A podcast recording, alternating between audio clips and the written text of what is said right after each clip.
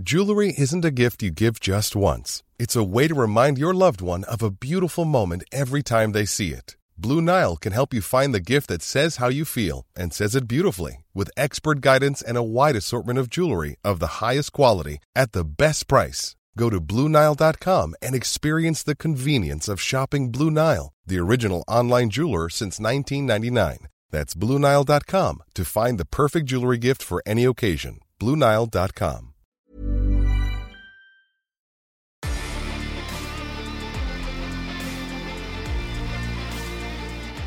Löjtnant, det är 8 december. Vet du vad Roosevelt sa den dagen? Ja, jag vet inte. Idag är det 8 december kanske han sa. Ja, det sa han. Han sa yesterday, December 7th, 1941, a date that will live in infamy. Mhm. Mm. Jag förstår. Mm. Vad säger din eh, kalender? Min kalender säger att det är torsdag den 8 december. Mm. Och eh, när jag öppnar luckan, vilket jag gör nu, Mm.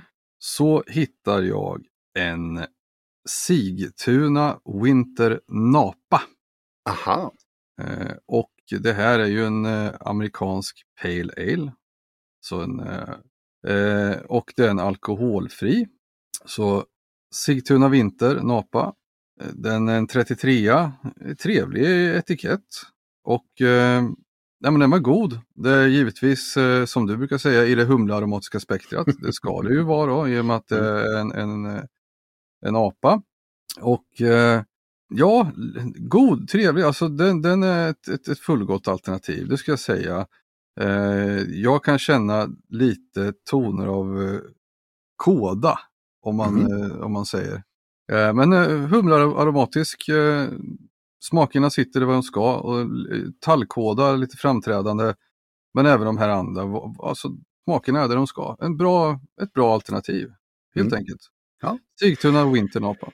Och där har vi också ett bryggeri som ligger för 17, ett halvt stenkast från där jag bor. Mm. Det borde ligga i Sigtuna tänker jag. Ja, det gör det. Det Ja. ligger i Arlanda stad. Ja, du ser. Du ser. Mm. Mm. Får du göra ett studiebesök? Jag har faktiskt planerat det eh, tidigare. Jag hade en ölgrupp på Facebook förut. Jag gav bort den när jag började jobba på Systembolaget för en massa år sedan. Så fick jag inte ha den kvar. Mm. Så att, eh, där tänkte vi att vi skulle gå på ett eh, besök där. Det kanske vi kan göra i militärsnack också. Eller Ja. istället. Jag, jag följer med. Absolut. Så är det. Och så, Mm. då är vi nära Arlanda Danmarksfälten, det gamla klassiska eh, luftlandsättningsscenariot. Just, just. Så att eh, det var ju tanken, att, eller man trodde ju att där skulle det ju ske luftlandsättning. Ja, ja men det är, det är som gjort för det. Absolut. Mm. Kan vi kika på det? Ja, vi brukar ju prata lite eh, intressant fakta. Ja. Och eh, som är förbluffande också. Vet du när den sista soldaten eh, gav upp efter andra världskriget? Ja, du tänker på han den här japanen 1974. Ja, 75, 10 mars. 75. Ja. Det är ju riktigt bisarrt. Det här är ju då löjtnant Onoda. Just det, Onoda. Som, ja, de blir ju kommenderade till en, en liten ö Mm. eh, och, eh, som de håller stången. Och sen så tar ju kriget slut och de nås ju av besked av att eh, motståndet ska upphöra. Mm. Men de har ju lärt sig att det, alla, inte- nej, alla budskap om att kriget är slut är falska. Så de, de håller ju ut och eh, bestämmer sig för att försvara den här lilla ön och göra livet surt för, för ja, alla där. Och genomföra olika räder och så vidare mot eh, poliser och sånt där. Och det här håller ju på alltså i närmare 30 år. Och de är ett helt gäng från början som han är chef över och Ja. eh, de vill väl ge upp en efter en för man släpper ju ner flygblad och sånt med deras familjers bilder och snälla nu måste ni ge upp och så här. Ja. Så att eh, det, det, det, de flesta är med några år där i början. Ja. Men han själv håller ju ut eh, närmare 30 år då. Det som gör att det här tar slut till slut det är att de eh, får leta upp eh, hans gamla chef, en eh, major, som får komma dit och, och beordra honom att ge upp eh, motståndet. Det är helt underbart.